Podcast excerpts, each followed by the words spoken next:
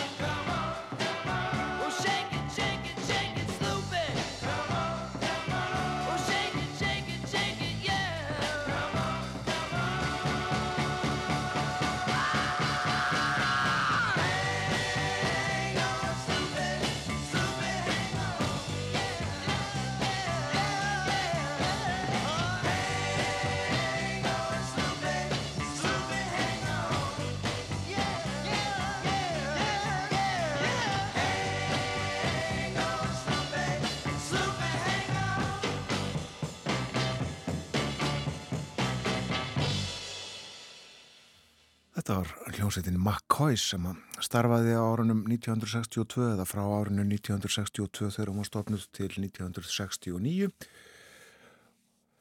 Hljómsveit frá Indiana ríki í bandaríkjunum. Hang on Sloopy, helsti smellur sveitarinnar. Þetta lag kom út 1965. Klukknum vantar eina mínútu í sjö við fáum fréttir frá fréttastofinu á slæðinu sjö. Förum yfir dagskrá þáttarins eftir fréttinar.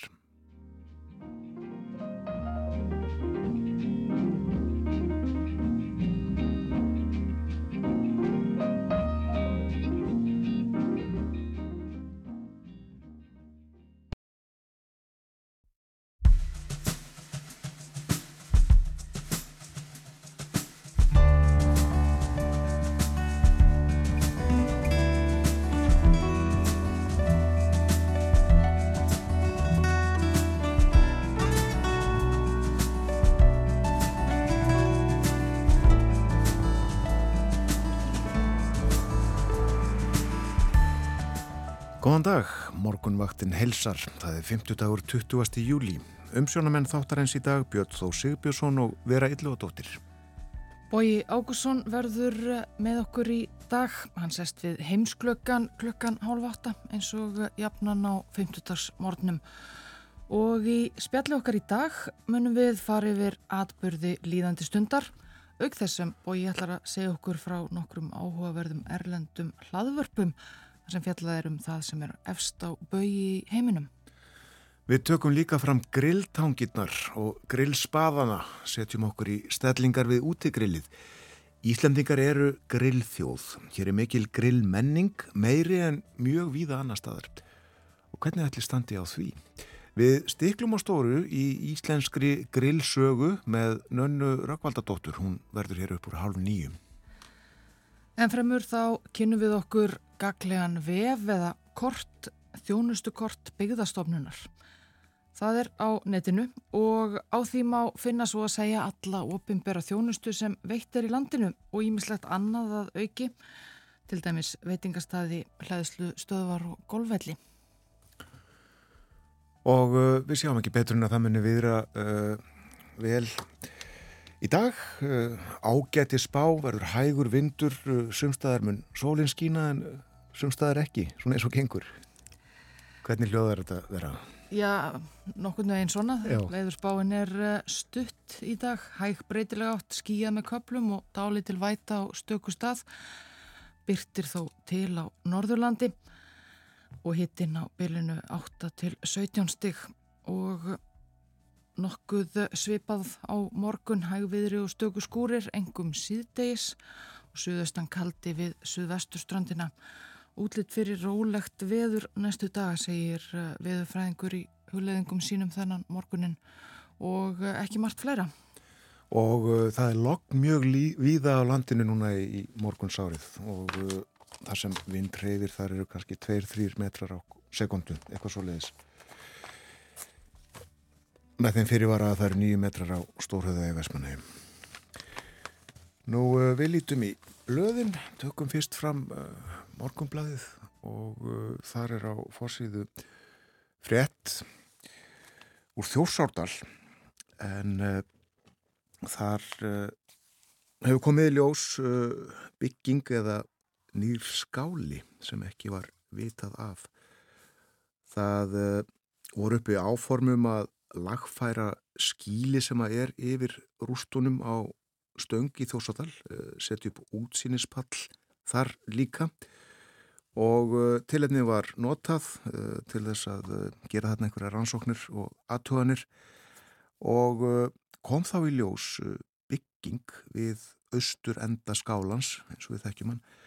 Og það er ljóst að svo bygging er samtíða skálanum, liggur undir gjóskulægin úr heklugósinu 1104 en uh, það gos. Er sagt hafa lagt þjórsardal í eyði að uh, miklu eða mestu leiti og uh, það er rætt hér við Odgeir Ísaksen forlegafræðing hann er líka verkefnastjóri hjá Minjastofnun. Og hann segir þetta staðfestir það sem að var löngum talið að hér hafi verið búsetta frá því eftir ný 950 og fram til 1104. Hérna hefur verið miklar hamfarir, þetta hefur verið mikið sprengi gós og ekki mjög búsaldalegt hér á eftir. Og uh, það er mynd sem að fylgir þessu og uh, á henni má uh, sjá Otger og Ugga Ævarsson, minnjavörð Suðlands að störfum þannig. Og svo er fjallað hér á fórsíðu um uh, áforum stjórnvalda um uh, breytingar á lögum um húsalegu og uh, þessi drög hafa verið kynnt, byrt í samráðskátt stjórnaráðsins var gert uh, í gær. En uh, frumvarströgin sem að þær eru kynnt eru afrakstur vinnu starfsóp sem að skipaður er fulltrúum fjögur að ráðunita aðila vinnumarkaðarins og húsnaðis og mannvirkjastofnar segir hér í frétt morgunbladsins. En uh, í þessum draugum þá uh, er uh, lagt til að óheimilt verði að semja um að leigu fjárhæð breytist á leigu tíma sé leigu samningur til 12 mánada eða skemmri tíma og uh, það er uh, farið ítalegar uh, yfir það sem að lagt er til í þessum drögum hér í fórsíðu frétt morgunbladsins og svo er þetta borið undir Guðmund Raffn Argrímsson hann er formaður leyendasamtakana og hann gerir aðtúasendir þarna við ímislegt sem að framkemur það er ekki tekið á vísitölutengingu húsalegu lengri samninga sem er sér Íslandst fyrirbæri að því leiti að leigu fjárhæðin er uppfærið í hverjum einasta mánuði. Það sem ég þekki til gerist það einu snu á ári, segir hann. Og hann hefði viljað fá þá breytingu inn. Nú, uh, bændablaði kemur út í dag og uh, þar uh, er sagt frá því að það þarf að auka ásetning nautgripa verulega til að mæta aukinni eftirspurn eftir nautakjöti með innlendri framlegslu. Það er farið yfir nautakjötsmarkaðin, hann hefur uh, vaksið um 5-6% á ári að undanförnu og uh, vísbendingar saðar hér uppi um áframhaldandi uppsveiflu. Það sem aðver ári hefur vöxturinn talist rúmlega 4% ef innflutningur er leðréttur fyrir beini og þetta er samkvæmt mælaborði landbúnaðarins og innflutningstölum hagstofunar. En þegar indi betur í hlutvöldin millir innlendrar framleiðslu og innflutnings sérst að innlend sala hefur dreyið saman um uh, tæp 10% á meðan innflutningur nautakjöts hefur aukist um rúmlega 60% og þetta eru tölur frá fyrstu fimm mánuðum ásins og samanburðar árið er síðasta ár. Já, það uh, er nú það. Uh, það er uh, lagt til að gæsaveði tíðanbilið verði stittra nú en verið hefur, stitta sannsagt veiðar á grágæs og það vegna fækkunar í stofninum. og uppi og eða frameru komnar tillögur umhverfisráð þeirra sem fer með málaflokkin og þar er lagt til að grágæs verði aðeins veit í sjö vikur frá 10. september til oktober loka en vanlega hefur verið veitt frá 20. ágúst og fram í miðjan mars fjallaðan um þetta ítalegar í bændablaðinu í dag eh, en hér á eh, fórsíðinu er eh, skemmtileg mynd á henni er eins og segir hér vinkonurnar Glódís Tekla Björgólfsdóttir sem er fimmara og fórustu kindin Fórinja sem er tvekja vetra á refsmýri í fellum. Einn hér frétt inni í blaðinu sem að varti aðtekli mínu en uh, hún er af hesti fólaldi sem heiti Prins og hann er eini hesturinn með eh, tiltekinni litasamsetningu á Íslandi eh, brún íruskjóttur og var blesóttur það er bríet auður Baldurstóttir á Akurey 2 í Rángárþingi Eistra sem að segir frá hún er einn eiganda fólaldsins.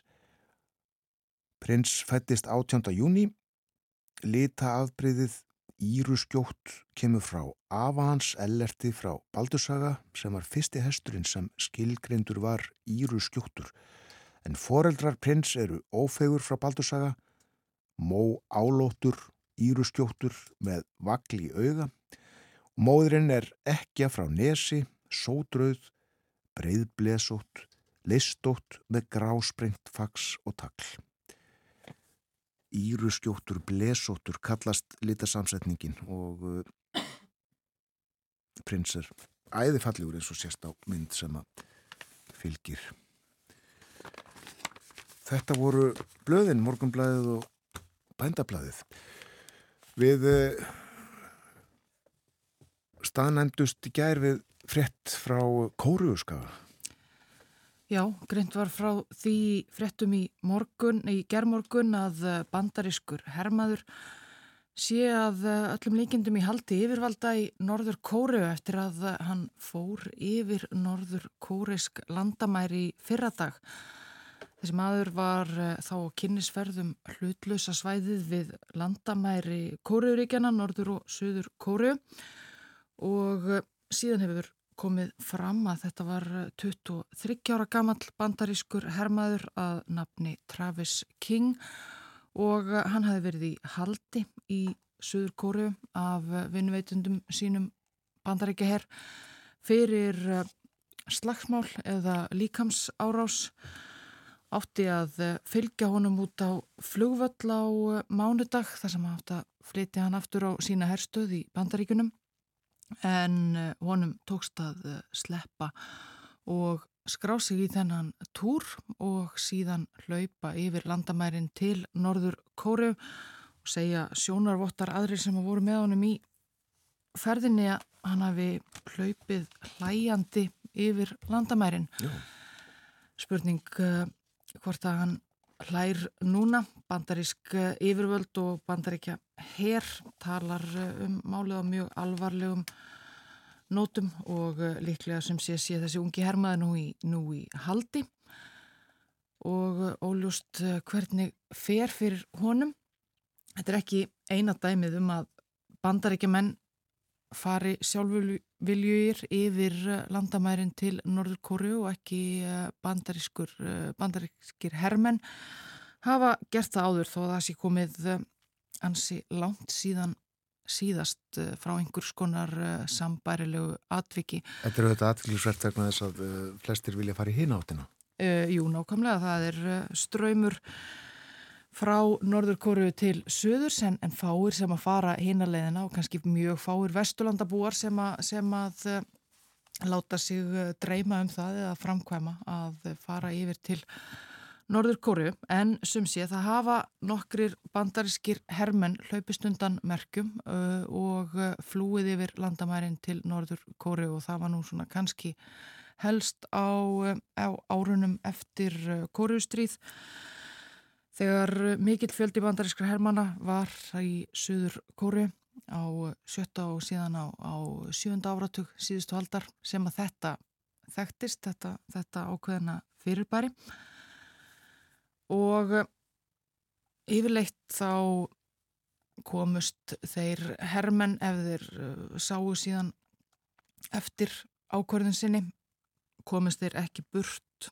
úr norður kóru því það getur verið ansi snúið. En einn bandarískur hermaður gerði það þó. Það var maðuranafni Charles Jenkins. og 13. desember 2017 þá fjöldluðum við um Charles Jenkins hér á uh, morgunvaktinni að því tilefni að uh, hann hafi þá uh, andast tveimu dögum áður gerði það 11. desember 2017 77 ára aldri og hann var einn af þessum fáu bandarísku hermönum sem að sveiku stundan merkjum og flúðu yfir til Norður Kórum og hann var eini liðhlaupin sem að síðan tókst það að komast úr landinu aftur en eh, það var næri 40 árum síðar.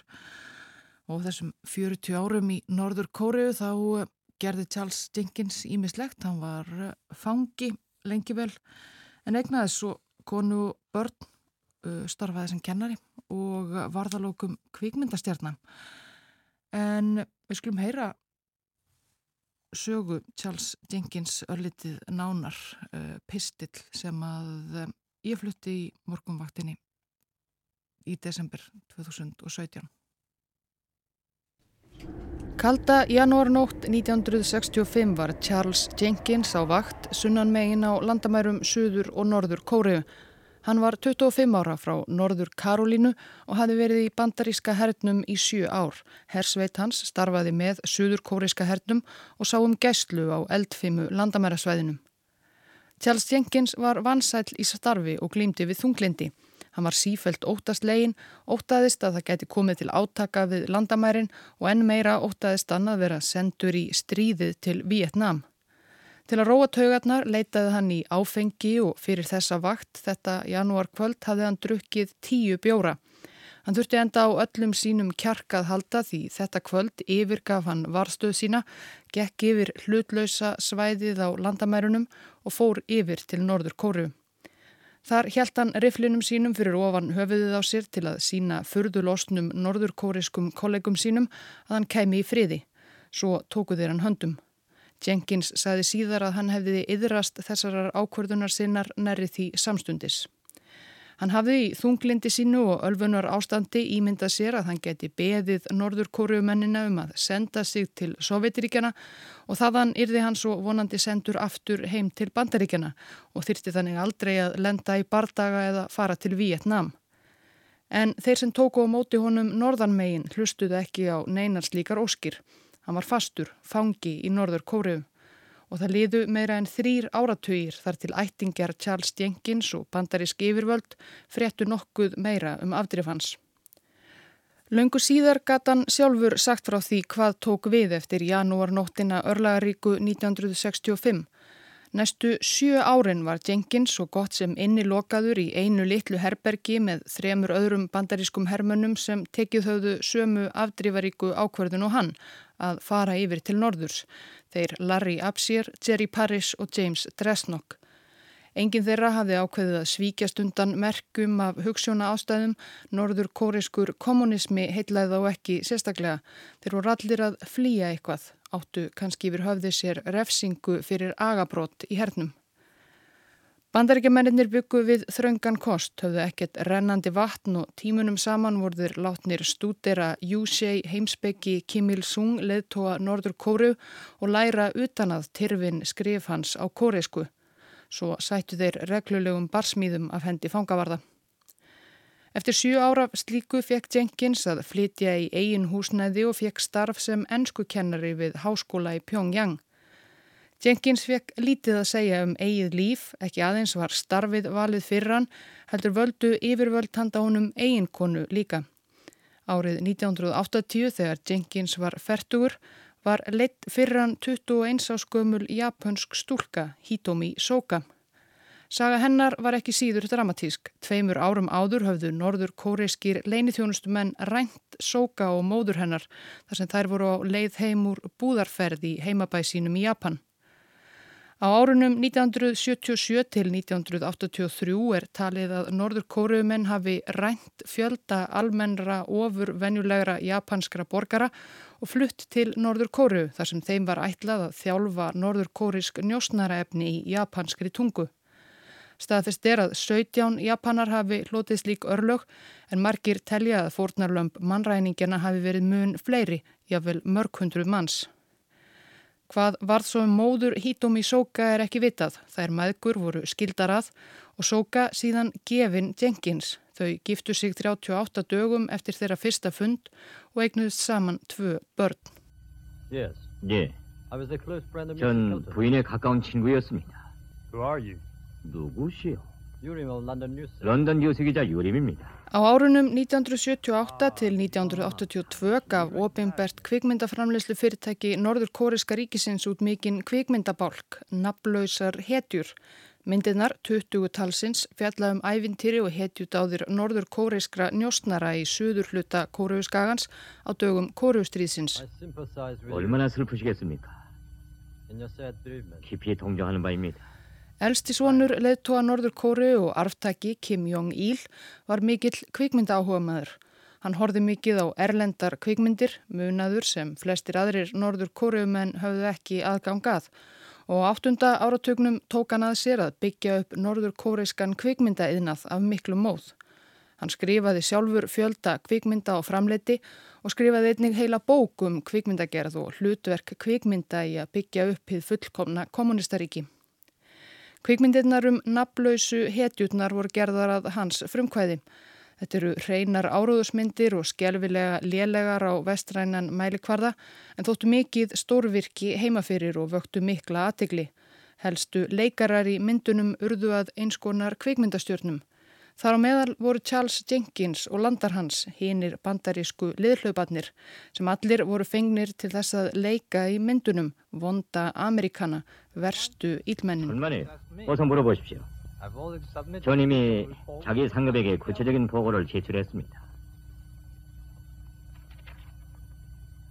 You mean this? Kvikmyndirnar voru fyrsta sönnun þess að Charles Jenkins væri yfir höfuð á lífi en þær komist þó ekki á borð bandarískra stjórnvalda fyrir en laungu eftir framleyslu þeirra eða 1996. Þá ríndu sérfræðingar bandaríska utaríkisráðuneytisins í andlit útlendingana í myndinni gáttu þannig staðfest að þarna væru þeir Charles Jenkins og félagar vissulega á lífi. Árið 2002 viður kendi Kim Jong-il þá orðin leðtói Norður Kóru að á valdatíð föður hans hefðu Norður Kóriskir leinithjónustumenn rænt japanskum borgurum. Í kjölfarið var nokkrum fornarlömpum ræningjarna sem enn livðu leiftað heimsækja heimaland sitt Japan og meðal þeirra var Hitomi Soka, eiginkona Charles Jenkins. Heimsóknin átti bara að vera ein vika en að henni liðinni ákváðu stjórnvöldi Japan ekki að skila þegnum sínum aftur til Norður Kóriu eins og um hafi verið samið. Japansk stjórnvöld sömdu síðan um að fjölskyldur fornalampana fengju að fylgja þeim heim til Japan. Charles Jenkins fekk því að fara til Japans í júli 2004, 64 ára, eftir næri fjóra áratugi í Norður Kóriu og hann grét af gleði á bladamannafundi að vera loksins laus úr prísundinni. Is the first day of the last chapter of my life. Jenkins var þó enn formlega séð í bandaríska hernum og ekki lungu eftir komuna til Japans gaf hann sig fram á bandarískri herstuð þar í landi og var í kjölfarið ferður fyrir herrétt og dæmdur í 30 daga fangelsi fyrir liðhlaup. Hann játaði sök og var látin laus eftir 26 daga fyrir góða hegðun. Eftir afplánun var líf Charles Jenkins svo tíðenda lítið. Hann og kona hans komi sér fyrir í heimabæ hennar og hann fekk vinnu í verslun. Hann gaf út æfiminningar sínar um árin 40 í Norður Kóru og kom af og til fram í sjónvarsþáttum og heimildamindum. Hann var sá eini af bandaríkjumönnunum fjórum sem hann varði fyrstu árunum í Norður Kóru með sem slapp. Larry Absir, Jerry Parrish og James Dresnok letust allir í Norður Kóru.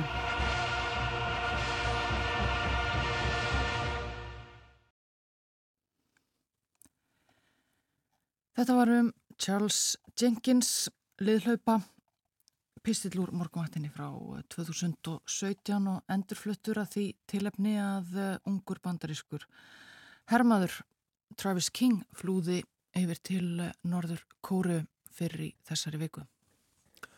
Meira erlend hér á morgunvaktinni eftir frettæðið sem að kemur eftir fjórar mínútur bói Ágússon sest við heimsklukkan.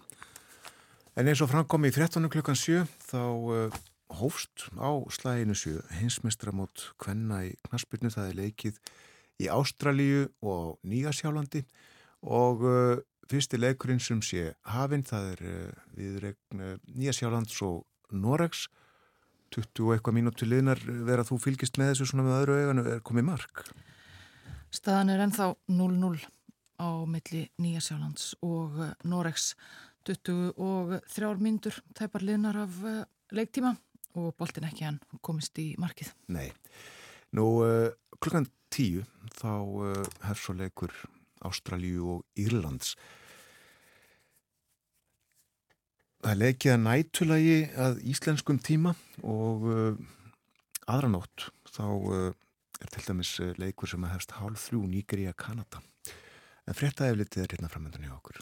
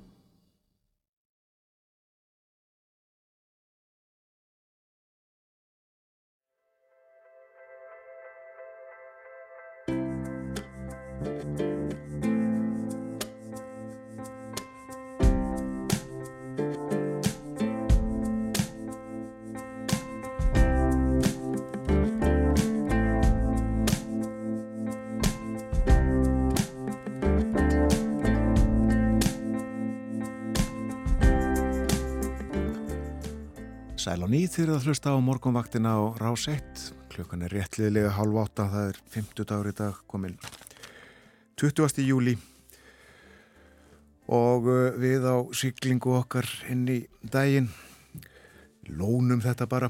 Það er loknægilega á landinu öllu og uh, útlitt fyrir ljómandi veður vera. Þú uh, hefur farið yfir veðurhorfur dagsins tvísvarsinnum þennan morgunin og kamt þetta eiginlega utan að þetta er svo stutt og, og já, eiginlega laggott.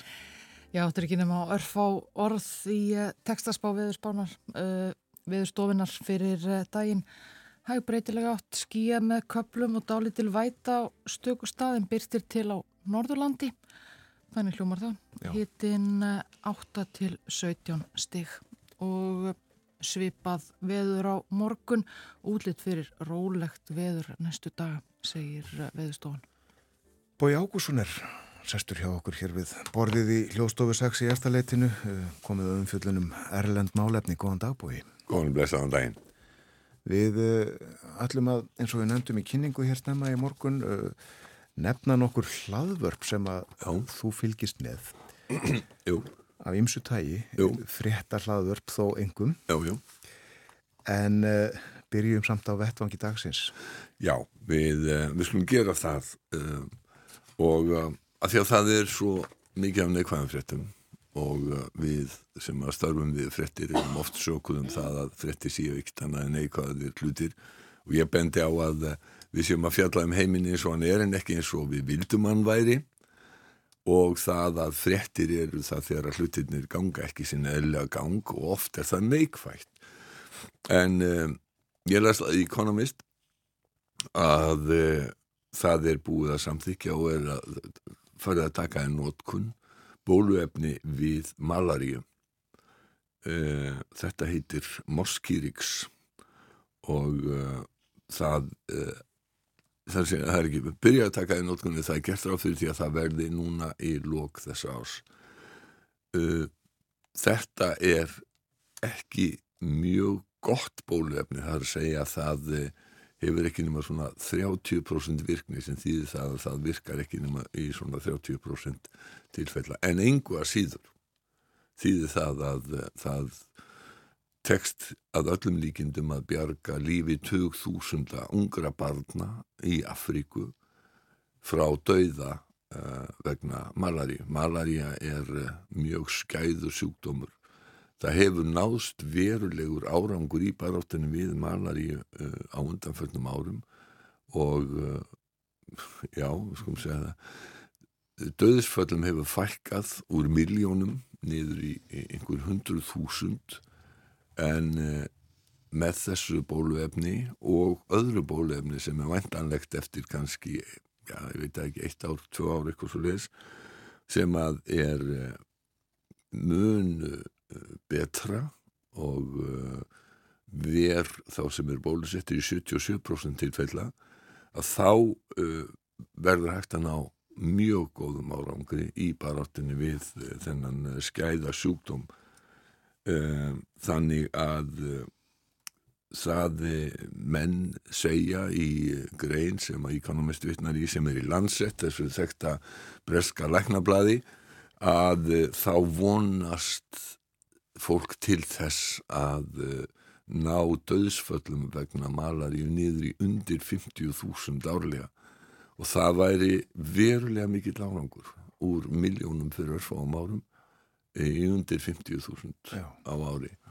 Þannig að þetta er góða frettdagsins eh, hlustendi verða að verða mér það til eh, betri vegar og, og, og að ég hef náð mér eitthvað svona smá sumarkvef þannig að eh, röttin er ekki alveg eins og hún á aðsir Það hendur á bestu bæðum Ég held að, já ég fann fyrir þessu sem sagt í gerðmorgun og, og kannski hafi náð mér í þetta á, á, hérna, á mistaravöllum, káurvellinum á, á þrjúðarskvöldið. Já, kólnaði svolítið svona þegar sólinn lekkaði á lofti. Það, það gerði það en, en, hérna, en að öðru leiti og þá var svo heimsóknar afskaplega ánægum.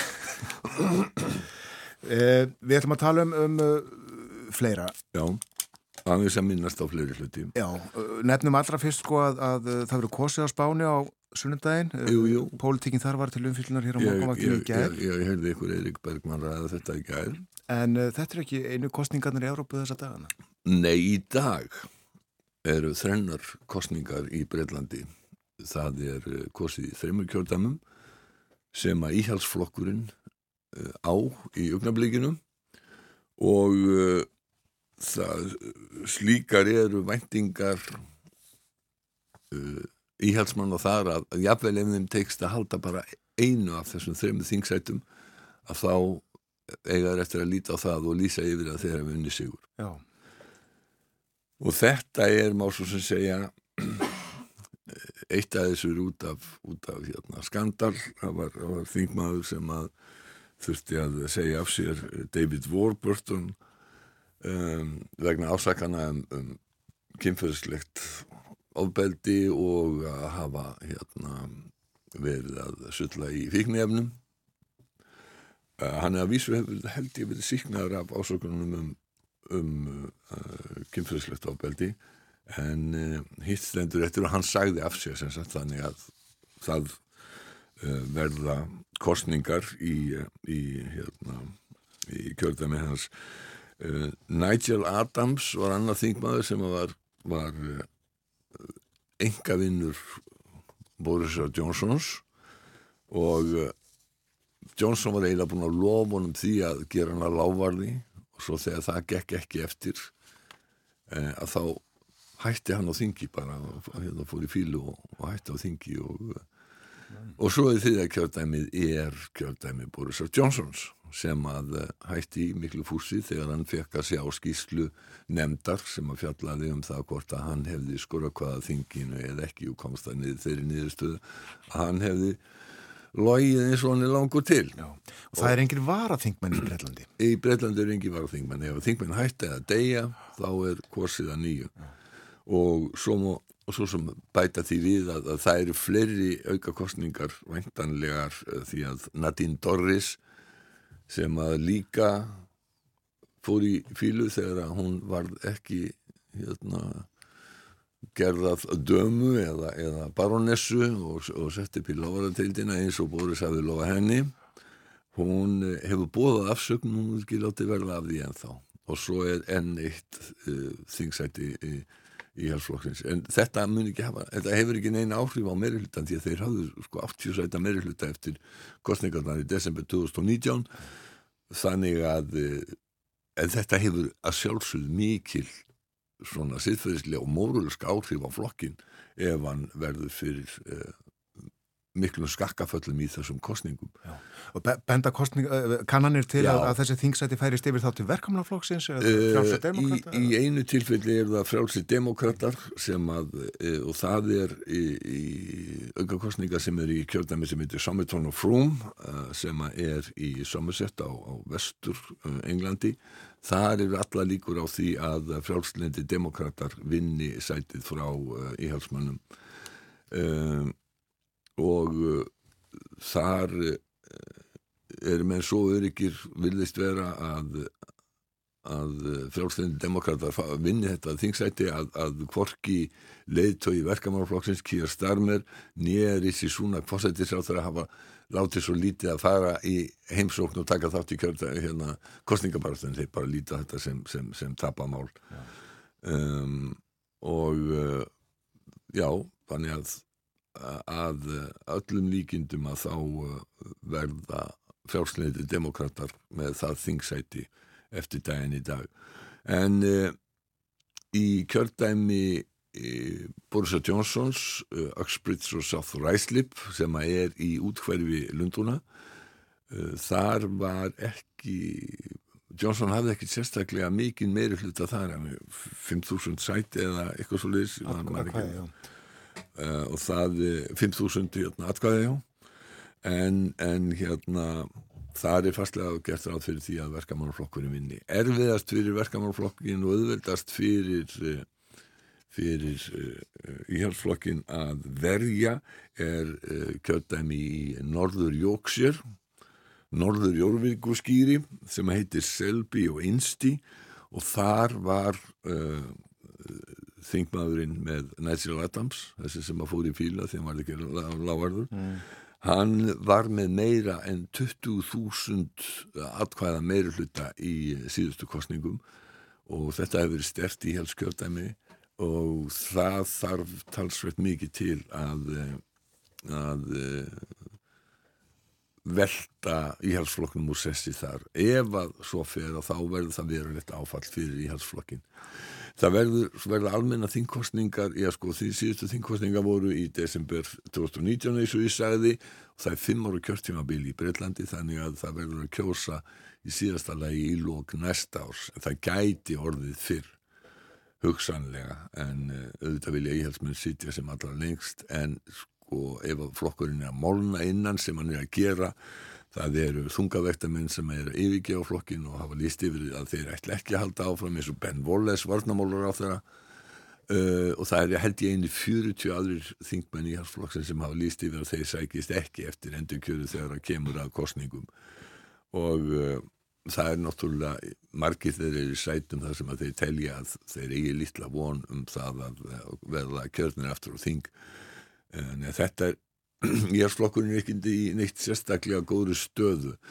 Og þó hefur Rissi Súnag og stjórn hans fengið svona jákvæða fréttir í þessari viku uh, það var að tilkynna að uh, það ætti að uh, fyrirtæki sem að á núna hvað heitir það, Tatra minni mig sem á Jaguar Land Rover Tata Group heitir það já að þeir ætluðu að byggja nýja versmiðju sem að uh, framleiðir uh, rafluður í bíla, rafbíla og gigantísk uh, fjárfesting.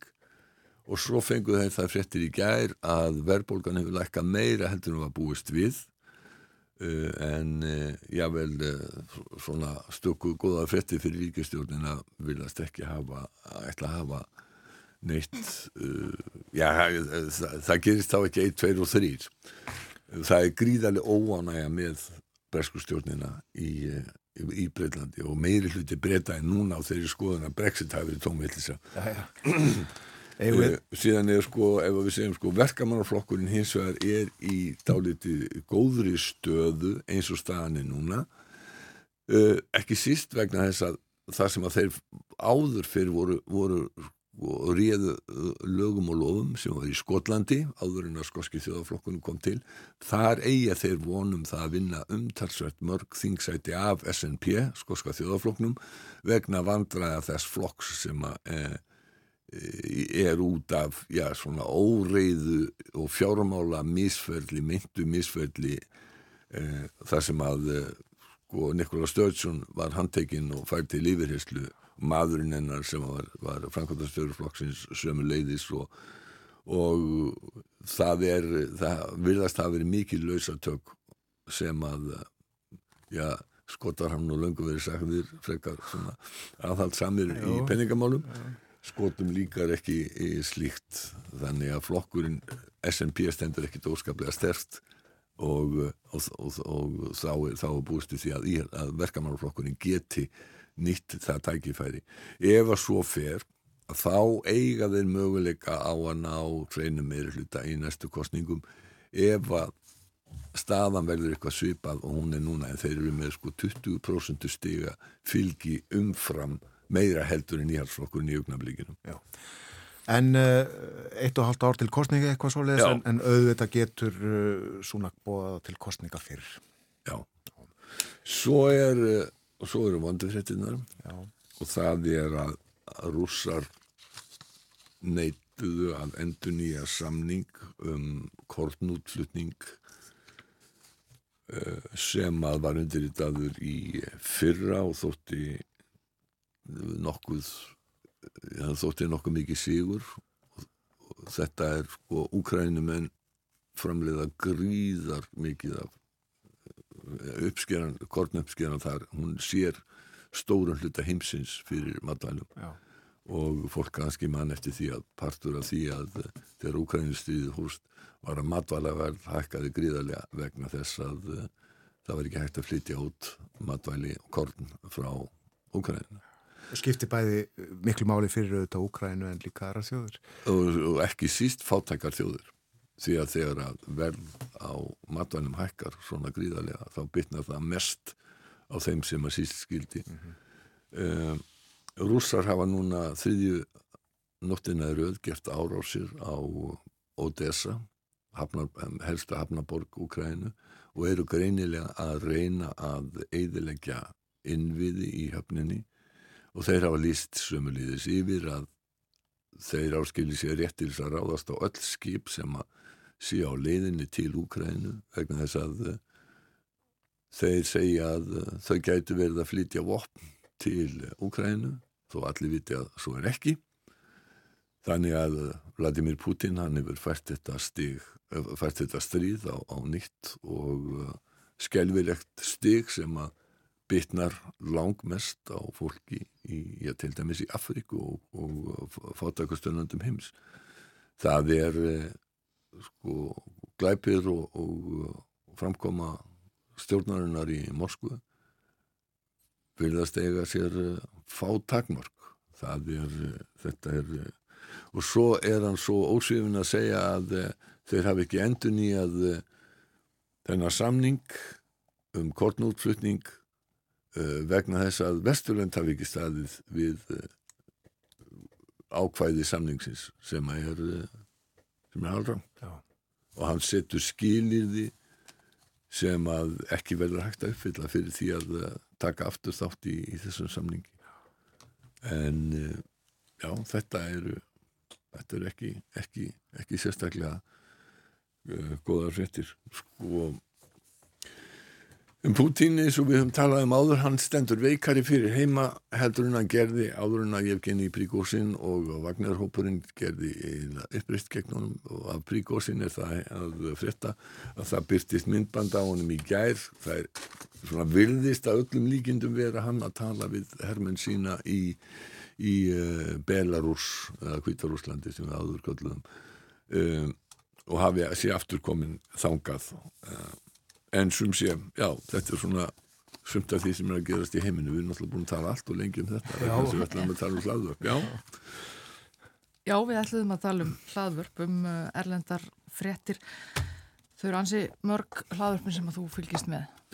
Já, fólk hefur stundum spurt mér um sko hvaða er sem að ég noti til grundvallar þegar ég er að undirbúa mig til dæmis undir það að ræða við ykkur hér á mótnana í heimskluganum og það eru mjög mörg hlaðvörp sem eru mjög sem eru mjög góð. Ég þarf nefna fyrst Intelligence hjá Economist sem er dagleg umfjöllunum þrent sem er efst á baugi í heiminum og uh, það er uh, já, það, það, það er yfirleitt mjög skinsamlega og viturlega fjallaðum um þessa hluti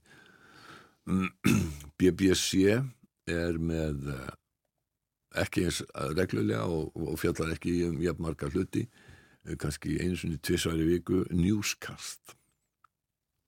Uh, það byrjaði Eh, sem Brexit-kast eh, eftir kostningarnar eh, já sko, nei, reynilega byrjaði 2016 sem election-kast og breytist síðan yfir í Brexit-kast sem að varð þyrna vinsælt. Og síðan eftir að Brexit var orðið að, að staðinn að þá var þetta bara newscast og, fjall, og þar fjalla fréttamenn um uh, þá hluti sem eru efst á bögi mjög mikið bresk málefni að það líka alþjóðlega málefni.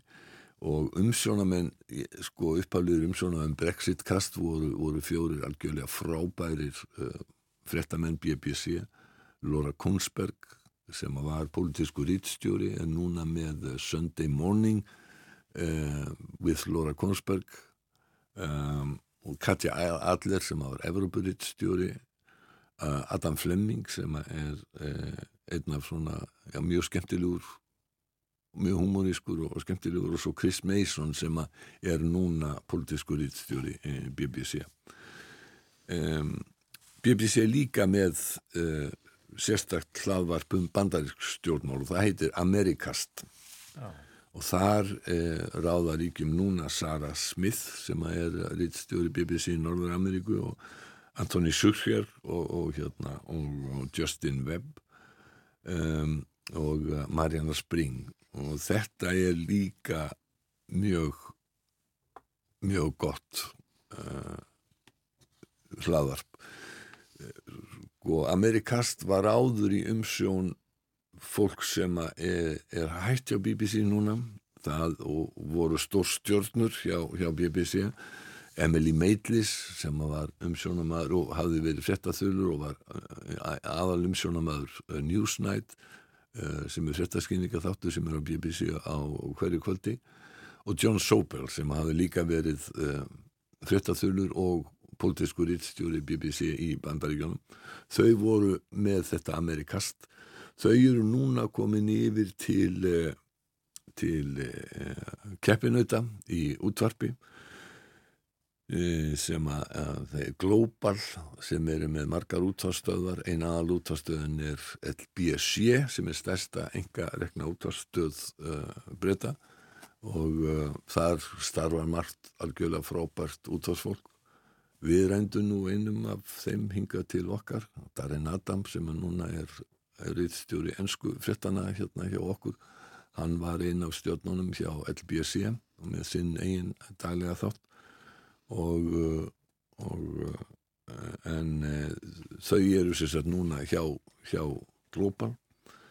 Emily Maitlis, John Sobol og svo Louis Goodall sem var bæði hjá BBC og Sky News sko Maitlis hún að hraktist frá BBC og eins og ég segi hún var einn af stóru stjórnunum þeirra fólk mann eftir viðtónum við Andrés Prins sem að vöktu mjög mikla aðtikli á sínum tíma uh, þætti sem að héttu Andrew the Problem Prince. Þá var það hún sem að, sem að tók þau viðtal og það sér maður sko bladamennsku par excellence en hún var líka gaggrínt fyrir það að gæti ekki að hlutleysisreglum í, í Newsnight og, og meðal annars þegar hún var að fjalla um Dominic Cummings sem var ráðgefið Boris Johnsons og hún fór mjög í taugarnar á fólki í fósættisraðanetunni í tíð Borisas Johnsons. Eh, og, eh, og hún á móti sagði sko að íhjálpsflokkurinn væri að skipta sig af fréttaflutningi á BBC svo í fyrirlestri á sjónvarsháttíðinni í Edinborg sá hann að þrýstingur og oft tólkaðar hlutæðisreglur hefðu komið í vekk fyrir að BBC gæti flett ofan að vafa sem um málflutning í Brexit sinna á sínum tíma. Hún sagði meðal annars að þeim hefði verið uppálagt að finna hagfræðinga svo dæmi væri tekið sem styttu Brexit þó þá væri nánast ekki að finna. Þau hefðu þurft að leita alveg sko logandi ljósi að einhverjum eh, eins og ég man ekki hvort að hún sagði það einhverjum sem að segði það að jörðin væri flöt sko. Um, og uh, þannig að uh, hún hafði svona, já getum við sagt að sína skoðinu og hún hrektist á endanum frá BBC. Þetta er svona nokkur af þeim uh, hlaðvörpum, podcastum sem, sem ég nota. Ég kemst ekki í þau í skandinavisku uh, og uh, í dag við bara gerum það í næstu viku en ég ætla að byrta þetta á, á Facebook þannig að fólk geti uh, farið á, á, á þessi podcast Kæra þakki fyrir að vera með okkur í dag, Bói Ágússon. Klukkunum vandan á 5 minútur í 8, við fáum fréttir klukkan 8 og ímislegt framöndan hjá okkur hér á morgunvaktinni á setni klukkutímanum. Minni á að Nanna Rökkvaldadóttir kemur til okkar klukkan hálf nýju, við ætlum að tala um grillþjóðina Íslendinga.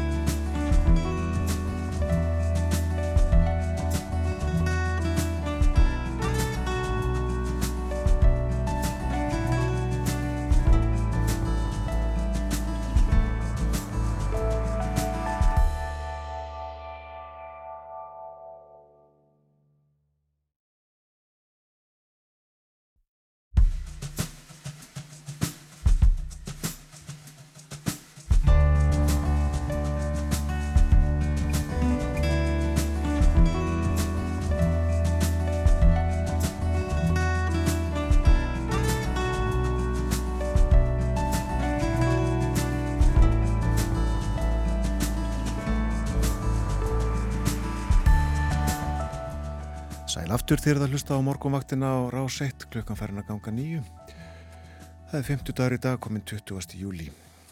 Hallgrimur Indriðarsson fór yfir veðurhorfur dagsins hér áðan og uh, við getum þess að það er skíð á höfuborgarsvæðinu og uh, þókuloft hér í grend.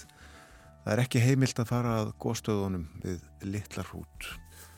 Það getur breyst og uh, þá er þetta greint frá því. En Hér næstu mínútur ætlum við að fjalla um uh, það sem að nefnist þjónustu kort byggðastofnunar. Uh, Það eru nú aldeilis alls konar upplýsingar af ymsutægi.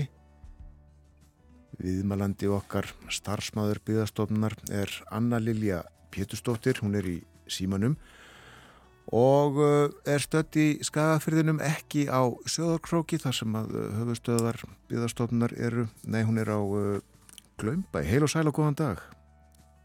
Já, góðan daginn. Við langar svo áður en við förum að tala um uh, það sem við ætlum að tala um að fá þið til þess að uh, lýsa veðrinu eins og það er akkurat núna í skagafyrðinu. Eins og það er akkurat núna, það er nú svona, uh, það gæti, gæti komið góður sumardagur ef hann rýfur aðeins af sér, ég sé ekki fjöllin. Það er svona, það er, það er þungt en, en hérna lofvorðum um góðan dag, sínist mér. Já, 10-12 stegi hiti og bara við, við byrðum ekkert um mikið meira svona snemma morguns. akkurat. Og það er lognið að nánast lognir það ekki eins og heila allstaðar á landinu í dag. Já, Já. Það, það má segja það, alveg logn bara. Hljóma vel. En uh, þá að þessu þjónustu korti sem að uh, aðtikli mín var vakin á fyrir þessari viku, uh, þarna eru upplýsingar, alls konar upplýsingar um uh, ofinbæra þjónustu og uh, líka þjónustu sem að enga aðeinar veita. Nefndi ég til dæmis fyrir í morgun að þarna má finna golfvelli og beitingastadi og það sem er svo mikilvægt í dag, hleðslustöðar fyrir rafbíla. En uh, þessi þjónustuvefur eða þetta þjónustu kort er ekki alveg glænýtt að nálinni uh, það var uh, sett á internetið fyrir fáinum árum. En uh, þetta er ekki eitthvað sem að ykkur hjá byðastofnun dætt í huga að uh, setja á fót nei þetta kemur bara frá sjálfri ríkistjórnin ekki satt? Já, uh, ef við byrjum bara alveg á byrjuninni að þá, þá má rekja, þjónustukortið allt aftur til stjórnarsáttmála ríkistjórnar frá árinu 2018 en kortið varð tillega í, í uh, svo kallari byggða áallun fyrir árin 2018 til 2024 og var þar uh, valinn staður hjá okkur og við höfum unnið að því síðan árið 2018 þannig að þetta er svona þetta er ekki, þetta er ekki glænýtt en, en í stöður í þróun. Já, og hugsunina baki, hver var hún og er? Sko, hér er eh, sagt, um að ræða kort sem, að, sem gefur svona skýra yfir sín, yfir ímsa þjónustu á öllu landinu og núna eru við með rétt um 70 þjónustu þætti skráða sem eru í, í ef ég mann rétt um 11, 10 eða 11 svona yfirflokkum til flokkað Uh, og með þjónustu þáttum þá á ég við til dæmis apotek, uh, dagveruverslanir, leikskóla, golfvelli, bara listin er, er nánast endalus. En markmið kortsins er, er uh, kannski, getum sagt, tvíþættur, hann er í og með að auka og bæta að, aðgengi almennings að upplýsingum um þjónustu eins og ofnbara og, og þó líka þjónustu engaðala eins og hægt er. En það á líka, með kortinu á líka verið hægt að leggja grunn að bættri þjónustu við almenning og auknum tækifærum til nýsköpunar og stefnumótur á sviði, stefnumótunar á sviði byggðamála og, og þannig má segja að kortið eigi því að geta þjónað sagt, bæði almenningi sem og stjórnvaldum líka og það eru auðvitað tilvalið að benda á það núna og tala um það akkurat núna þegar, þegar svona margir eru að leiði í sumarfrí að þannig er sagt, komið staður þar sem að finna má upplýsingar bara um, um nánast flesta þá þjónustu þætti sem þetta er í hug fyrir, fyrir velhæfna sumafrí. Akkurat. En uh, þarna eru sem sagt samandregnar uh, alls konar upplýsingar um alls konar þjónustu sem að uh, var bara bísna erfitt oft er það ekki áður að finna og átta sig á? Jú, þetta sem sagt eins og, og áður segði þá, þá hérna höldum við því að byggðarstofnun utanum þetta kort sem þýðir það að uppvarslunar á því, það er lenda líka á okkar borði og, og þetta er búin að vera svona kannski ekki alveg beitn og breyður vegur frá, frá 2018 að, að bæði finna þau gögg sem til eru, hvað, hvað er hvaða listar eru til og hvað getur við notað inn í, inn í kortið og eitthvað þurft að leggfæra því sem var til og svo bara ráku okkur á það að það, var, það voru gött, það var ekki alveg, alveg allt til sem við óttum svona vona á að, að væri til, þannig að við höfum þurft að sapna þó nokkru, uh, þó nokkru sjálf og, og viðhalda það þeim gögnum líka sjálf. En svo höfum við líka verið í góðu samstarfi við aðra stofnarnir sem eru svona kannski á, á uh, svipuðu róli en, en með kort kannski með, með hérna annan tilgang en okkar kort eins og ferðarmálastofa sem heldur úti mjög fínni kort að sjá fyrir, fyrir erlendi ferðarmenn Já. og við hefum bæði, bæði deilt gögnum með þeim og fengið frá þeim þannig að það er, er alveg er, er ómeitanlegt í þessu en, en enn sem komið er er svona mesta uppværsli vinnan enn á okkar höndum og við þurfum auðvitað að vera, vera mjög vakandi yfir því að fer þau gríðarlega vinna í að halda kortinu sem réttustu því að við viljum auðvitað að upplýsingarna séu sem réttast að hverju sinni. Það breytist ímislegt uh, hratt. Uh, Pósthús loka reglulega og uh, að því við nefndum hlæðslustöðar á þeim fjölga stöðu til. Þannig að það þarf að, að vakta þetta allt saman mjög vel. Já, og, og talandi um hlæðslustöðar þá eru þær dæmi um nýlegan flokk sem við, við bættum við kortið og, og nú er hægt að sjá sem sagt uh, að því ég best veit í fyrsta skipti á á hérna uh, íslenskri, íslenskum vefi, íslenskri kortarsjá staðsetningar bæðið bensinstöða og hlæslustöða og einu sama kortinu á, á hérna sama tíma og það eru eitthvað sem skiptir fólki í hlæslustöðar nú, núna í dag gríðilega miklu móli að vita staðsetningar þeirra og, og hérna svona hvað sé langt í næstu stöð og, og annað slíkt sko. Já. Það er margt aðtilsvert sem að kemur þarna fram og, uh, og þarna er sérstaklega kort og það er hægt að haka við þá þjónustu sem að þú uh, þartið að vilt finna og svo byrtast svona krossari að tákna á þessu korti og, og uh, það er sumt svolítið sláandi uh, þegar, þegar settir eitthvað þetta inn eins og ég, ég haka hérna við tannlækna og ég sé að það er tannlæknir á einum stað til dæmis á vestfjörðum.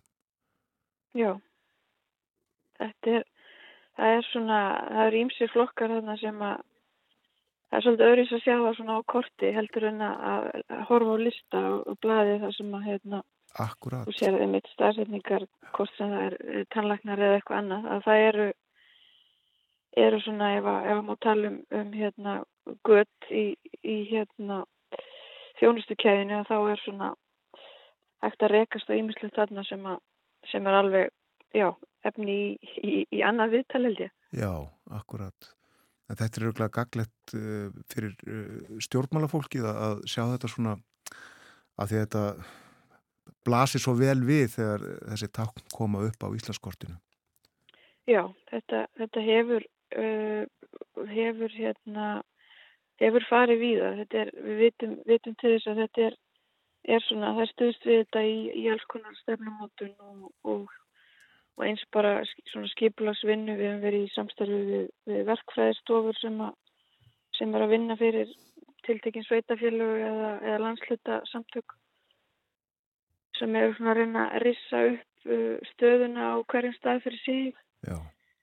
Og þarna er, er hérna þarna er svona okkar innleg í það hvað þetta var þess. Það eru myndlistaskólar á tveimur stöðum á landinu, höfuborgarsvæðinu og Akureyri. Já. Svo við höldum áfram með þetta.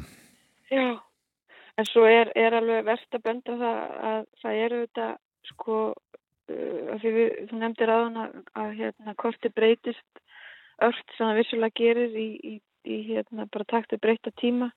Við erum til dæmis með posthús og postkassa inni núna en, en þá er umræðan sko veist, hversu margir nota postkassa í dag eða geta bæta postboksonu við sem allir eru fannir að nota. Einmitt. Þannig að það er svona hérna þá þarf að fara að skoða veist, er, er sá listi til einhver staðar sem að, sem að í þessu tiltekna dæmi er, er vantilega hjá postinum en en við erum oft svona fáum hugmyndir um nýja flokka eða, eða eitthvað sem vantar og þá er það kannski atrið sem er bara ekki, ekki gerlegt að sapna ef að það er hverki til og, eða mjög erfitt að viðhalda. Þannig að við svona viljum við viljum líka að það sem komið að inn sé eitthvað sem við getum getum haldið þétt utanum og svona fylst með eins og, eins og kostur er. Þannig að þetta sé ekki, þetta sé ekki nýkomið inn á kortið og sé þá strax orðið, orðið úrælt viku setna eða, eða annað. En það er, það er alveg, þú ert búin að benda mjög, tvo, mjög góða svona aðtiklisöru flokka, tannlagnana og, og hérna myndlistaskólana. E, myndlistaskólana og dýralæknar eru líka svolítið fórhundilegu flokkur er, og, og svona nokkuð fljótandi þeir, þeir hafa breyst aðeins milli, milli uppfæsla en En það er alveg, já, það er mjög skemmtilegt að sjá hérna dreifinguna. Ég held að á náttúrulega enslustöðunar komu inn, þá voru, voru kirkjur fjölmennastu flokkurinn, þar voru við 300. Já. Mjög þjættir yfir nett um, um allt land og á ólíklustu stöðum. Það er líka gaman að sjá, maður sé krossa einhver staði sem að maður bara byttur nú aðeins við. Er þetta ekki, er þetta ekki einhverjum eigði fyrir þið eða eitthvað Hollandi eða hvað? Akkurat. En eru núna fleiri hlæslustöður heldur en kirkjur? Uh, já, ég held ég sé ég held ég sé ekki að, fara vittlust, ég man ekki töluna nákvæmlega en, en kannski eru já, við skulum, við skulum taka sem er smá fyrirvara, þetta er, þetta er þá eitthvað, eitthvað, eitthvað svipaði fjöld allavega. Já, það breytir ekki alveg öllu, en dýralæknar þú nefndi þá, það eru þetta gaglegt fyrir gældýraeigendur á ferðarlægjum landi með, ég segjum hundana sína sem að kunna veikjast. Já, og, og bara við vitum um dæmi um, um hérna það er þetta, það hefur nýst fólki sem að sem að var á ferðarlæg bara og, og hérna vissi ekkert náttúrulega í nýjum, nýjum landsluta og þekkti ekki til og, og svona já, leitaði, googlaði sig áfram með svona sletti og, og enduði þá inn á, á þjónustukortinu og fundi næsta næsta dýrleikni sem að var sem betur fyrir ekki langt frá en, en þetta er svona þetta, þetta er gott dæmi um, um hérna eh, notkunar möguleika fyrir almenning að við kortið sem slíkt ákvæmst ekki vera, vera nein hérna, bein samkeppni við, við einhver sambarileg upplýsingakort, þetta er freka viðbútt við upplýsinga og, og kortaflóru sem hann og þegar er til staðar. En, en þeirna, í, í þessu, þessu þjónustukorti þá getur notandin uh, bæði séð hvar þjónustan er staðsett en líka séð hvað er þá langt í, í næstu, næsta apotek uh, hérna frá því sem er nálagt hér eða, eða heilsugjæslu eða annað og, og þannig svona verið að skoða fleiri, fleiri neitt þjónustu þótt í einu. Já, og þetta er tannig að það koma eins og uh, við höfum nefnt táknu upp á kortið og svo er hægt að, að uh, styðja á það og þá færðu upplýsingar um, um uh, nákvæma staðsetningu, símanúmer, uh, jafnvel hlekk á uh, heimasíðu ef, ef slíkt þetta staðar. Já, við, við erum ekki sko við erum ekki að veita upplýsingar um opnunatíma en eitt slíkt í kortinu sjálfu Nei. en við sem sem sagt áfram á heimasíðu viðkomandi staðar þar sem, að, þar sem fólk getur sótt sér uh, frekar upplýsingar. En við erum með, sagt, við erum með heimilisfang og, og þá veflekk ef, að, ef hann er uh, virkur. Þannig að þetta er svona þú fær staðsendinguna og er svo vísa uh, hérna, áfram á viðegandi stað fyrir, fyrir frekar upplýsingar. Akkurat Notað þú þetta sjálf kannski- þegar þú er- ert Ég að nota þetta, ferðast? já. Ég held að ég hafi verið, verið svona fyrsti stórnótandin á, á þessu korti þegar á ferðarlega mínum bæði fyrir vinnu og, og bara hérna persónulega því að var, ég vissi að þetta væri fljótlega því að þegar ég var fann að þekkja þetta að, að hérna ef einhver flokkur var inn í kortinu þá væri fljótlega að finna finna næstu verslun þar heldur en að fara að leita annar staðar og það er kannski rétt að komi fram að kortið er á íslensku, ennsku og pólsku. Þannig að við erum svona að reyna að, að hérna, viljum vera með þetta sem aðgengilegst fyrir, fyrir, fyrir flesta. Já, akkurat. Og uh, þið, uh, já, þurfum við að vakta alla þjónustu meira eða minna í landinu og fylgjast með breytingum og bæta inn eða taka út eftir því hvað gerist.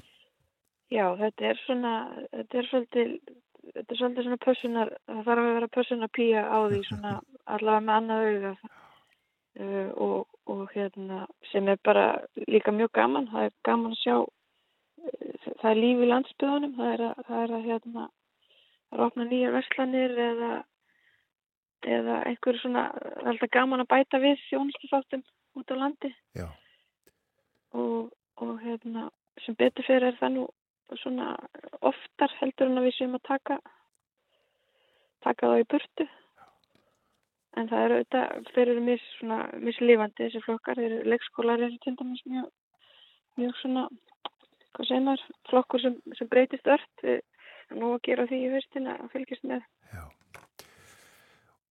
Þjónustukort.is, ekki satt, slóðin inn á þetta með, með þessum fyrirvörum öllum sem eru á stafsetningu.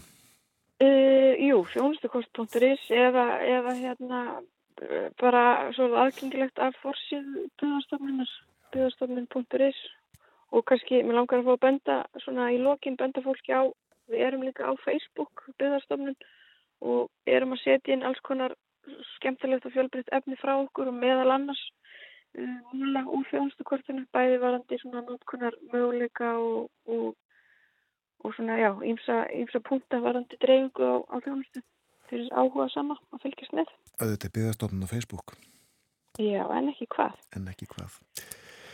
Það var gaman að spjalla við þig, Anna Lilja, þakka þið fyrir upplýsingarnar, njóttu dagsins. Takk sem leiðis.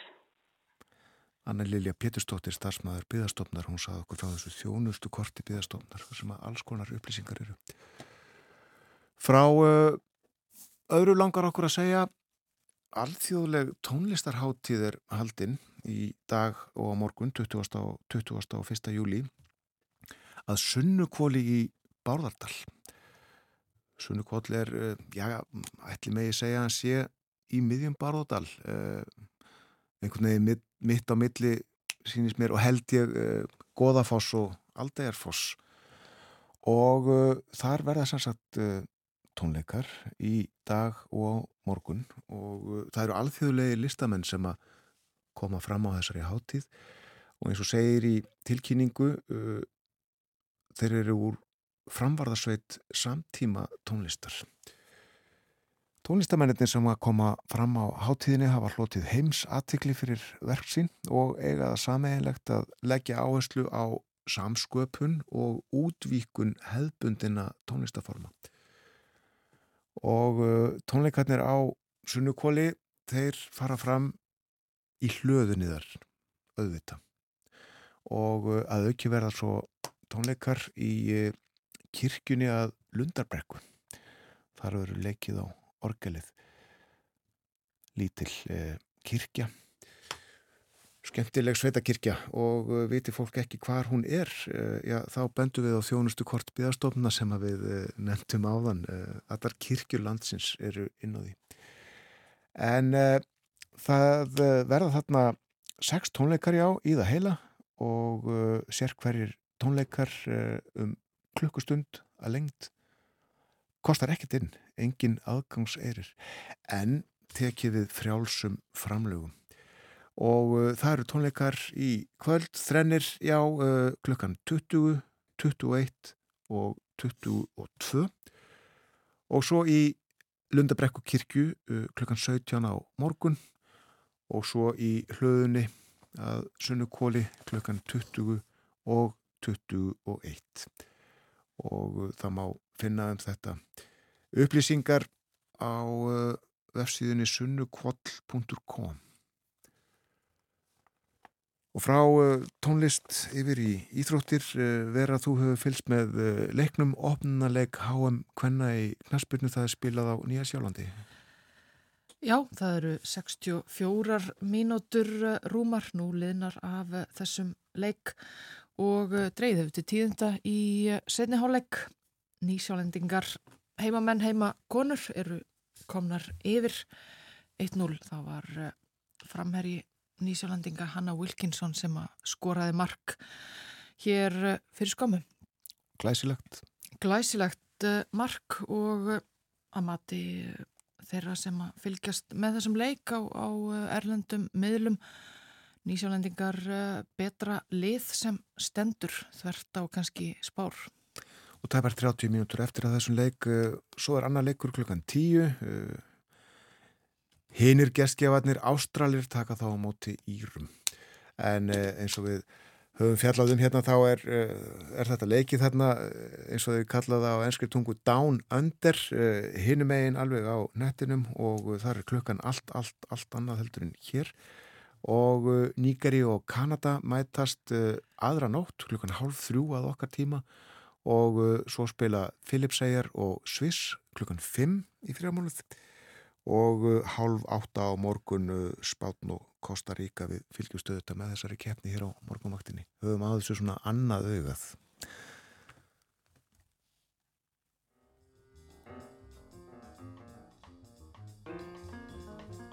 Hér eftir fréttaefliti sem að kemur eftir fjórum mínutur verður Nanna Röggvaldardóttir með okkur. Við ætlum að tala eins um uh, grill grillmenningu uh, grillþjóðina miklu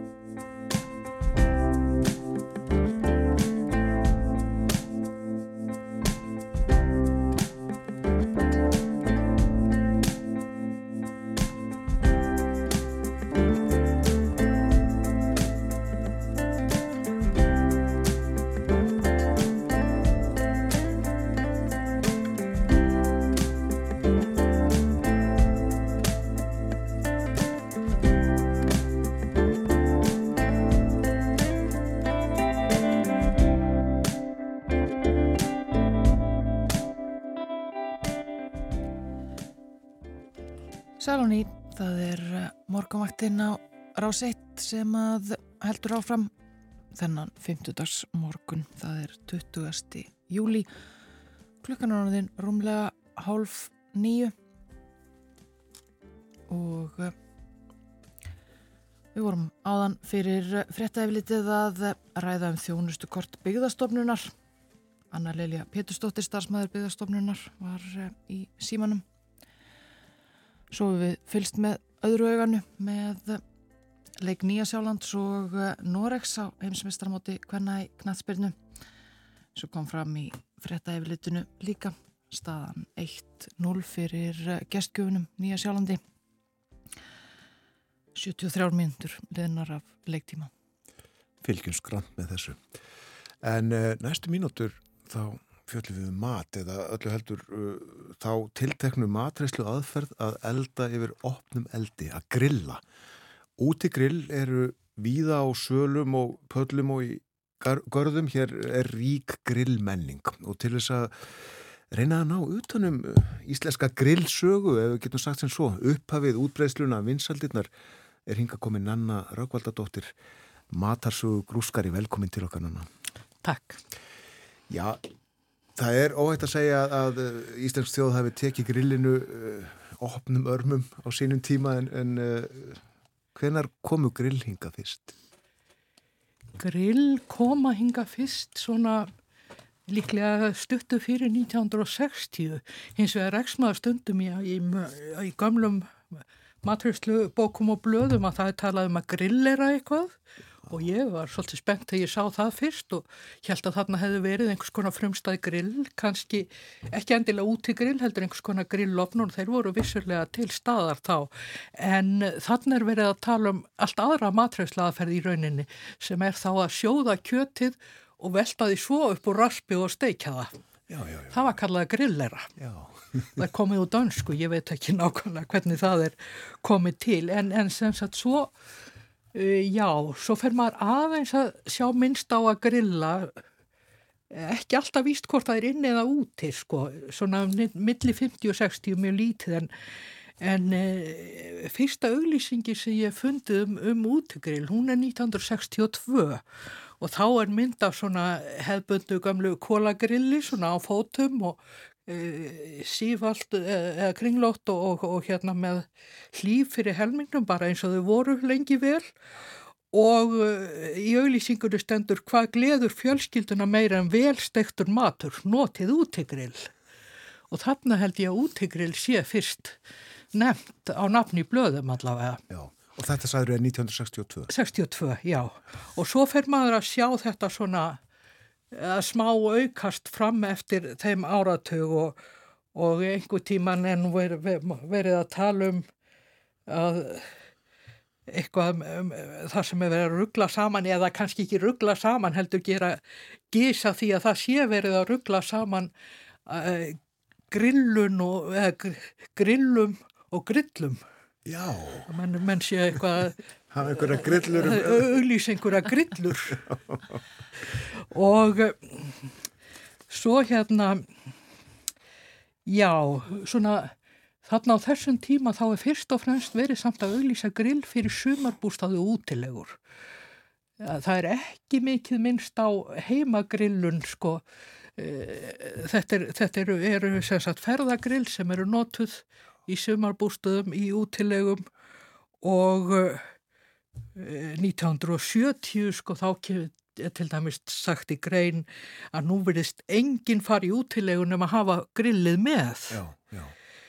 en um, það er í rauninni, það hefur sjálfsagt eitthvað verið um að fólk væri að nota grillin samt sem áður á svölunum eða í görðunum en ég hef ekki séð neitt að ráði talað um það í blöðum fyrir svona 1974-5 eitthvað svoleiðis, þá er, er þetta orðið, já, ef vel er að gáð sérst líka grillað á svölum fjölbílishúsa. Já, það var sagt þarna í um, umfjöllun. Já. En allir þetta hafi verið hugsað og, og beint að fólki á leiði útilegu og, sumarhúsa eigendur vegna þess að, já, þar var auðvitað ekki eldavél kannski nærri. Það hefur hinnlega verið af af, af nöðsin eða af praktík sem að grilli var tilkynlega sko að, það væri, ég meina fólk tók annars með prímus og og ímislegt slíkt þannig að þá var þurfti hvort að er alls konar vesin við að kynna þetta upp og alveg eins gott að vera þá með góða steik sko. Í gasgrill þau sjást ekki nefnd fyrir nú miðjan áttunda áratugin kannski og uh, þessi fyrstu gasgrill sem ég fundi þau voru mjög lík kólagrillum. Já, en það er samt svo snemma sem, sem Já, þau koma að markað. Já, en þau eru ekki algeng fyrir en eftir 1980 samt. Nei. Og, og þarna á þessum tíma, jú það er annað, það er farið að tala um þarna að glóðarstektur matu, þá var nú að tala um glóðarstektar mat og, og jável sko eh, grillin voru stundu kallu útiglóð, fólk kefti, kefti sér útiglóð til að glóðarstekja og, og það var... Farið að tala allt um að þetta væri hollur matur sem væri. Svo kom nú kannski annað í ljós setna, þetta er ekki endilega jafnvalt og fólk heldur. Það var ekkit verið að hugsa um brunan þá, hvað kól, kólamyndunin getur verið óholl sko, en, en það, þarna var kannski nótu minni fýta eitthvað svo leiði sko. Já, ekki, ekki svona steikingafýta. Nei. Nei. En glóð, glóð er fallegt orð. Glóð er fallegt orð, sko. Já. Og mér minnir að, að fyrstu matræslubækurnar, grill matræslubækurnar íslenskur sem kom út á þessum tíma, þær hafi heitið glóðarstegt stegt á glóð eða eitthvað svoleiði sko. Já, það komu fljótlega út bækur um, um Já, með leiðbinningum um réttu aðferðinu. Mér minnir að það hefur verið í kringu 1980 sem að þær fyrstu komu sko. Já. Grillin á þessum tíma er það ekki voru mun nettari heldur en þau eru víða í görðum í dag? Jú, jú, jú, þau voru það. Það voru ekki, ekki þessi stóru miklu. Og þau voru fæst með loki, þetta voru yfirlegt opingrill. Eh, og álpappir var mjög mikið notaður á grillinu. Og sumir heldiði fram að það var ekki hægt að grilla læri eða kjúkling eða eitthvað slíkt nefn að hafa álpappir og en ég man að þegar ég byrjaði að gefa frá mér grill uppskriftir sem hefur líklega verið um 1990 þá sagði ég einhver tíman að ég notaði álpappir engöng og ég vöðlaði nú saman til að reynsa ristina með það væri eini skiptin sem ég notaði álpappir en margir notaði hann lengi og notaði þetta enn sko. Leggja þá á grindina til þess að leggja ekki fitt og honi í eldin eða? Eh, nei, friðu, bara, það var, matnum var bara vafið þjettinan í álpappir. Og hann náttúrulega steiktist og þetta gæti orðið ágætist matur en það var auðvitað ekki eiginlegt grillbrað á hann með að kólabrað sko eða neitt slíkt. Ég, ég myndi að minna Anna að fyrstu árin, eh, kannski áratýna hafið að aðalega verið lærisniður og kótilettur sem að fóru á grillin. Það var tölvöld mikið um það já og svo auðvitað pilsur, það var náttúrulega alltaf verið að grilla pilsur og þess að ég mana það fyrsta sem ég grillaði á æfinu voru pilsur og ég kunni ekkert á grill var með svona lítið kólagrill og ég hafði ekkert átt að með að hvað tók langan tíma fyrir kólinn til að hittna þannig að börnin stóðu yfir mér alveg bara er þetta ekki verið til?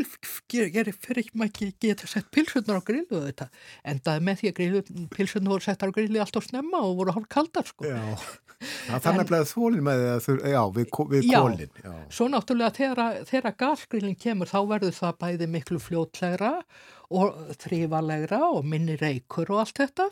Þannig að Það varum margir sem sá mikla kosti við það strax. Gasgrinu voru dýr uppháflega en þau voru mun ódýrar í rekstri líka heldur en kólagrillin. Já, og auki þetta svona stilla hitan svolítið. Jú, og, og svo eh, þrifin og allt það líka sko. Já.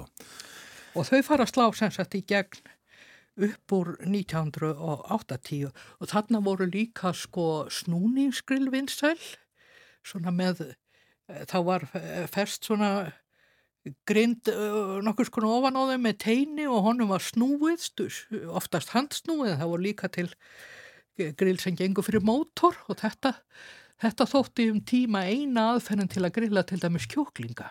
Já, láta hann snúast hægt. Já, snúa svona fram og aftur sko og, og ég man líka að það hefur verið í kringum 1980 þá, vil fyrr, þá var verið að auglýsa grill, stór og flott grill og eh, ég held að það hefur verið þýski mann ekki gerðina en þau voru gerna auglýst sko það, það stó kona á bíkinni við grillið. Og svo, svo beigðu, gestirnir og kallin hennar spennt sko en hún stóð þarna á bíkinni inn og grillaði sko. Það er öruglega selst vel að þessu. Mætti segja mér. Og, og það er líka sko Það er ein rauninni andstaði við þar sem að var þarna lengi vel og er ennöðu þetta að, að grillin voru alltaf mikið kalla svæði sko. Og uh, mann eftir þetta, þetta byrjaði held ég í Ameríku, ég mann eftir að hafa lesið grein einhver starf um það þetta hefði, hefði eiginlega verið sko uh, já, trikk hjá konun til að sleppa við eldamensk á heitum dögum, þar hefðu geta talið köllunum sínum trúum að það væri kallmannsverk að grilla og kalla gerðu það miklu betur og þá náttúrulega fóru þeir, þeir út í gardi í hittanum og, og grilluðu sko og konurna byggu til salatin í eldhúsi í svalanum. Klókar, en uh, já, uh, þetta er mikið kallmannsverk. Það vil verða það, já. Og kallar jáfnvel sem að aldrei koma inn í eldhús, já. þeir sjá samt um að grilla á sínum. Já, já, og, og þeir standa við grillið og grilla og, og svo sjá kannski konurnar um salötin og sósutnar og, og með allt meðlæti, sko, en þeir hafa, það voru samt þeir sem elduðu matinn, sko. Já, akkurat. En jú, jú, þetta er auðvitað mjög misjant. Já. Það verður aldrei neitt grila á mínu heimilin nema ég til dæmis. Hvernig allir standi á þessu? Ætlaði þetta sé að því að, að, að þarna er opinn eldur að, að betra að láta kallan að sjá, sko. sjá um það? Það gæti verið þetta sé svona kallarnir álítið þetta kannski einhvern veginn svolítið svona frumstæðara sko, Já. nær kallmennskunni en ég veit það ekki. Nei, nei. En þetta byrtist okkur líka í, í bara sjómanstáttum, það eru auðvitað fjölmarkir uh, svona matrillu þættir í mhm. sjómarfi mm -hmm. og það eru yfirleitt kallar sem eru með svona grillþætti. Já, já, já, já, já, já. Það, það, það hefur orðið þannig. En áttar þú því ánana hvaða er sem að hylla þið svona við grillin? Hvers vegna þetta var svona vinnselt? Það getur verið ímislegt. Í fyrsta legi það var þetta eitthvað alveg nýtt sko og, og svona öðruvís og hérna hafði e, lítið verið gert að því að, að elda utandýra og þarna var svona, þetta var svolítið vilt og opinn eldur og svona sko og e, svo var þetta bara eitthvað sem tilherði sömrinu. Það reynda mjög merkið, ég nefndi á þann fyrstu grillauðlýsinguna sér aftan 1962, hún byrtist 16. desember Já, jú, sem að mér fannst mjög skrítið að hann væri verið að auglýsa útigrill sko fyrir jólin en þetta var kannski þannig að þetta var bara álitið sjálfsagt jólagjú veit samt ekki fyrir hvern, ekki fyrir konurna því þetta var ég skal ekki segja. En, en þetta er uh, mjög vinsælt. Mér líku við að segja að þessi grill á hverju heimili uh, er, eru við uh, einhver mestakrill þjóð heims heldur við? Ég get alveg trúa því sko, það er náttúrulega e, mikið grillað í bandaríkjunum og kannski er þetta að einhverju leiti komið þaðan sko. Það er, mm, það er mikið grillað á Norðurlandu líka en samt mun minna heldur en hér og það, þar gæti spilað eitthvað inn í sko að það er, það er mjög víða til dæs í fjölbílisúsum sem grill er ekki, ekki leifð á svölum Já. eða allavega alls ekki kólagrill og, og jável ekki, ekki hérna gasgrill og þá er bara eftir ramaskrill og uh, þegar er mjög þurft í veðri þá uh, er oft uh, bara sveitarfélagi bannar allar út í grillun þannig að það er ímislegt sem hindrar þar en, en það skýrir nú kannski ekki öllu leitir samt en hann mun á, á vinseldunum sko. Nei, það er kannski, eitthvað. Kannski líka af því að grilltímin hér er hjá mörgum miklu takmarkari það er, er tiltöðlega Já, ég meina þó, þó að hérna, flestir byrja að grilla fyrsta góðviðisteginum á vorin, sko, þá er þetta samt ekki alltaf hægt. Það er rétt. En þessu er haldið líka mjög að okkur. Uh, grill eru auglist og uh, mm. svo er þetta grillkjött og, og sósur og alls konar hlutir og, og, Já, það getur verið hluti að sko. Allt, allt þetta forkritaða grillkjött sem að já í sumum verslunum út á landi þá feist manni ekkert kjött fyrir að hægt að fá nefn að forkrita grillkjött og uh, það er nú ekki það sem að ég er að sækjast eftir allavega en það kemur sér mjög vel fyrir marga Hvað grillar þú helst? Nú orðið er það aðalega fiskur það er svona já, ég uppgöttaði tiltölu að senda það hvað er auðvelt og gott að grilla fisk en Núna er það aðalega fiskurinn, jú. Og bara hvaða fiskur sem er eða? Já, eiginlega, sko. Eiginlega. Það er, það, þarf, það er meira vesin að grilla sumartegundir en aðra af því að þær vilja svona festast við og eitthvað svoleiðis að þá þá bara kunna á það sko. Já, þú kannt ráð, ráði Já, já, öllum vandamálum sem kom upp í eldamennsku segi það nú ekki en, grillun sem að lurum. en já, já. Já, en þetta hefur einmitt breyst mikið. Við nefndum uh, lærisneðarnar og kótilettunar og pilsurnar auðvitað uh, Jú, jú. fyrst sem að voru kannski bara á, á grillum fyrstu árin og, en, en svo fer þetta breytast Já. og kjúklingurinn kemur til sögunar og svínakjött vantarlega og fleira. Lambalæri kom nú uh, á undan til dæmis kjúklingi og svoleiði sko. En þau voru þá einmitt lang oftast vafinn þétt í álpapir. Þannig að þau voru grillu það náttúrulega e, svona lag kannski minna úr þeim af safa og þau, þau gátt hún að brunnið að sýtla í álpapirnum samt sko. En svo lærði fólk líka sko að grilla við óbeinan hít að það sé hafa ekki kjötið eða það sem er verið að grilla beint yfir eldinum heldur og nota þá loka grill og, og hafa sko hítan, láta hítan koma frá hlýðunum og þá er miklu einfaldar að grilla bæði, já, stór og lítil stykki, ekki síst stór Nei, og svona það sem er viðkvæmt. Og, og það, það er grill eftir sem áður þó að Já, já, já, já, það- sé bara sko, óbeinn. Uh, grill uh, reykurinn leikur um matinn eftir sem áður og, og sem sagt ef maður vill fá, fá eitthvað bragð þá, þá setur maður uh, kannski einhverja spæni eða eitthvað ofan á glóðina hvort sem að það er kólagrill eða, eða hérna, gasgrill og þá kemur reykurinn sko og hann helst betur inni þegar grillið er lokað þetta. Já, akkurat. Það eru margi skólar í þessu, uh, aðdáðandu kólagrilla, uh, sömur fussa yfir gasgrilli. Já, já, já, já. Þú kannast við það. Jú, jú. það er bara eins og gengur, sko, fólk.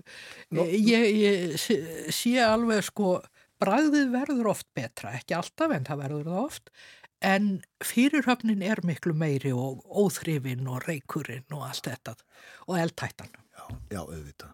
En það er betra sem sagt af kólum heldur en gasi. Sko, það er bara smeknatriði. Já. Ef að fólk er tilbúið að leggja eitthvað á sig, þá notar það kannski kólagrill miklu frekar. Já. Er þú sjálf með kól eða, gas? Ekki lengur. Ég notaði lengi kólagrill og átti sérstatt reykgrill sem að, svona kólagrill sem er svona strompur sko og sem ég notaði dálítið en uh, þá bjó ég í húsi þar sem að var sem sagt svalir fyrir ofan mig og ég var eins og næri búin að kæfa uh, barnið nágrannan sem svá út á svölum úr reik og eftir það hætti ég að nota þetta fannst það bara ekki að taka áhættu. Við ljúkum þessu svona þakkaði kellega fyrir að koma til okkar ringað á morgunvaktina. Takk fyrir. Nanna Raukvaldadóttir.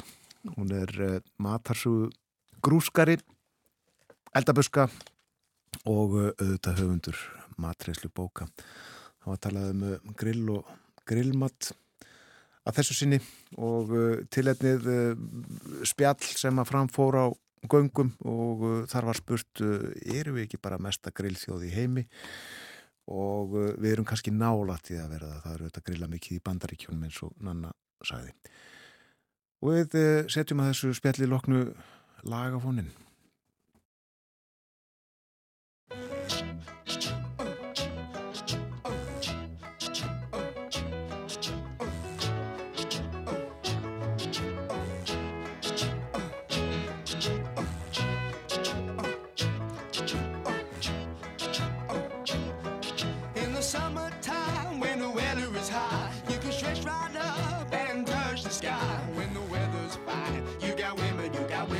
Your mind. Have a drink, have a drive, go out and see what you can find. If a daddy's rich, take her out for a meal. If a daddy's poor, just do what you feel. Speed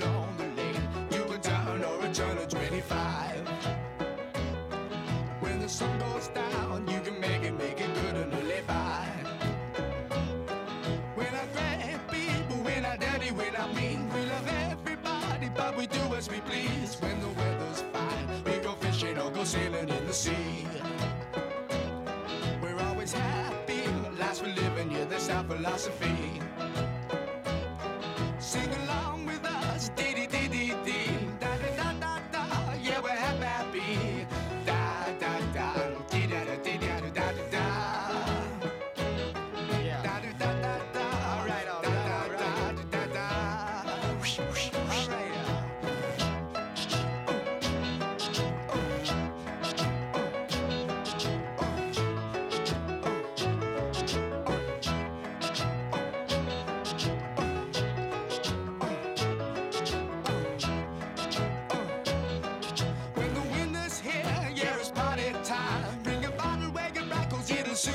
be summertime and we'll sing again. We go driving or maybe we'll settle down. If she's rich, if she's nice, bring your friends and we'll all go into town.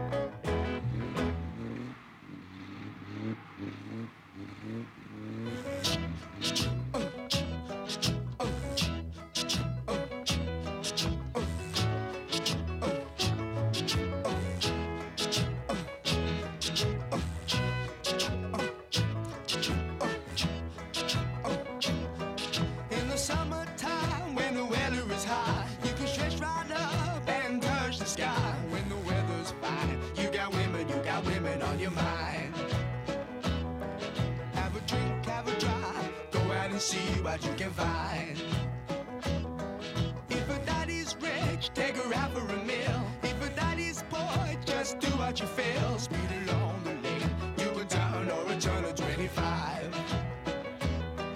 When the sun goes down, you can make it, make it good and live by. When I grab people, we're not dirty, we're not mean. We love everybody, but we do as we please. When the weather's fine, we go fishing or go sailing in the sea. We're always happy, last we're living, yeah, that's our philosophy.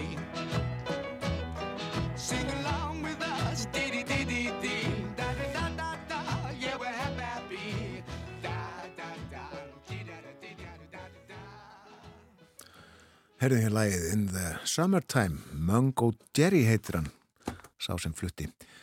Og uh, já, ég gerir bara ráð fyrir að, að uh, þarna hafi verið sungið um uh, fallegan og góðan bjartan sumardag en uh, það þarf þó ekki að vera rétt að kannski verið fjallað um eitthvað allt annað, allt, allt annað í þessu texta. En sumarið okkur hugleikið, það er jú sumar, sól og sumar fyrir norðan og austan í dag og uh, grillin eflaust dregin fram. Við töluðum um uh, grill, sögu grillsins á Íslandi, íslenska grillmenningu við nönnur Akvaldadóttur sem var hér hjá okkur áðan. Uh, fann auglýsingu frá 1962, þá var grill í fyrsta sinn auglýst til sölu úti grill. Það var í desember, meðan desember, kannski hugsa til jólagjafa. En uh, morgunvaktin er að ljúka klukkunum vantar nú 5 minútur í nýju, fréttinnar koma klukkan nýju, við heyrum fyrst auglýsingar. Vera hefur fylst með uh, fótboltaleiknum uh, Nýja Sjáland Noregur. Honum er ekki en lokið, hefðbundnum leiktíma lokið en nýju mínútur af uppbótar tíma, fjóra mínútur eftir af honum en staðan en þá 1-0 fyrir Nýja Sjálandi gestgjöfunum. Óvænt uh, úrslitt ef þetta, verða, ef þetta verður raunin. Sjokktap er fyrirsögnin á VF Norska Ríkisútarsins. Já, uh, fyrirsögnin þegar komin, þótt leiknum sé ekki lokið. Morgunvaktin er lokið. Við verðum hér aftur í fyrramálið. Uh, Björn og vera að þakka samfélgina í dag. Verðið sæl og njóti dagsins.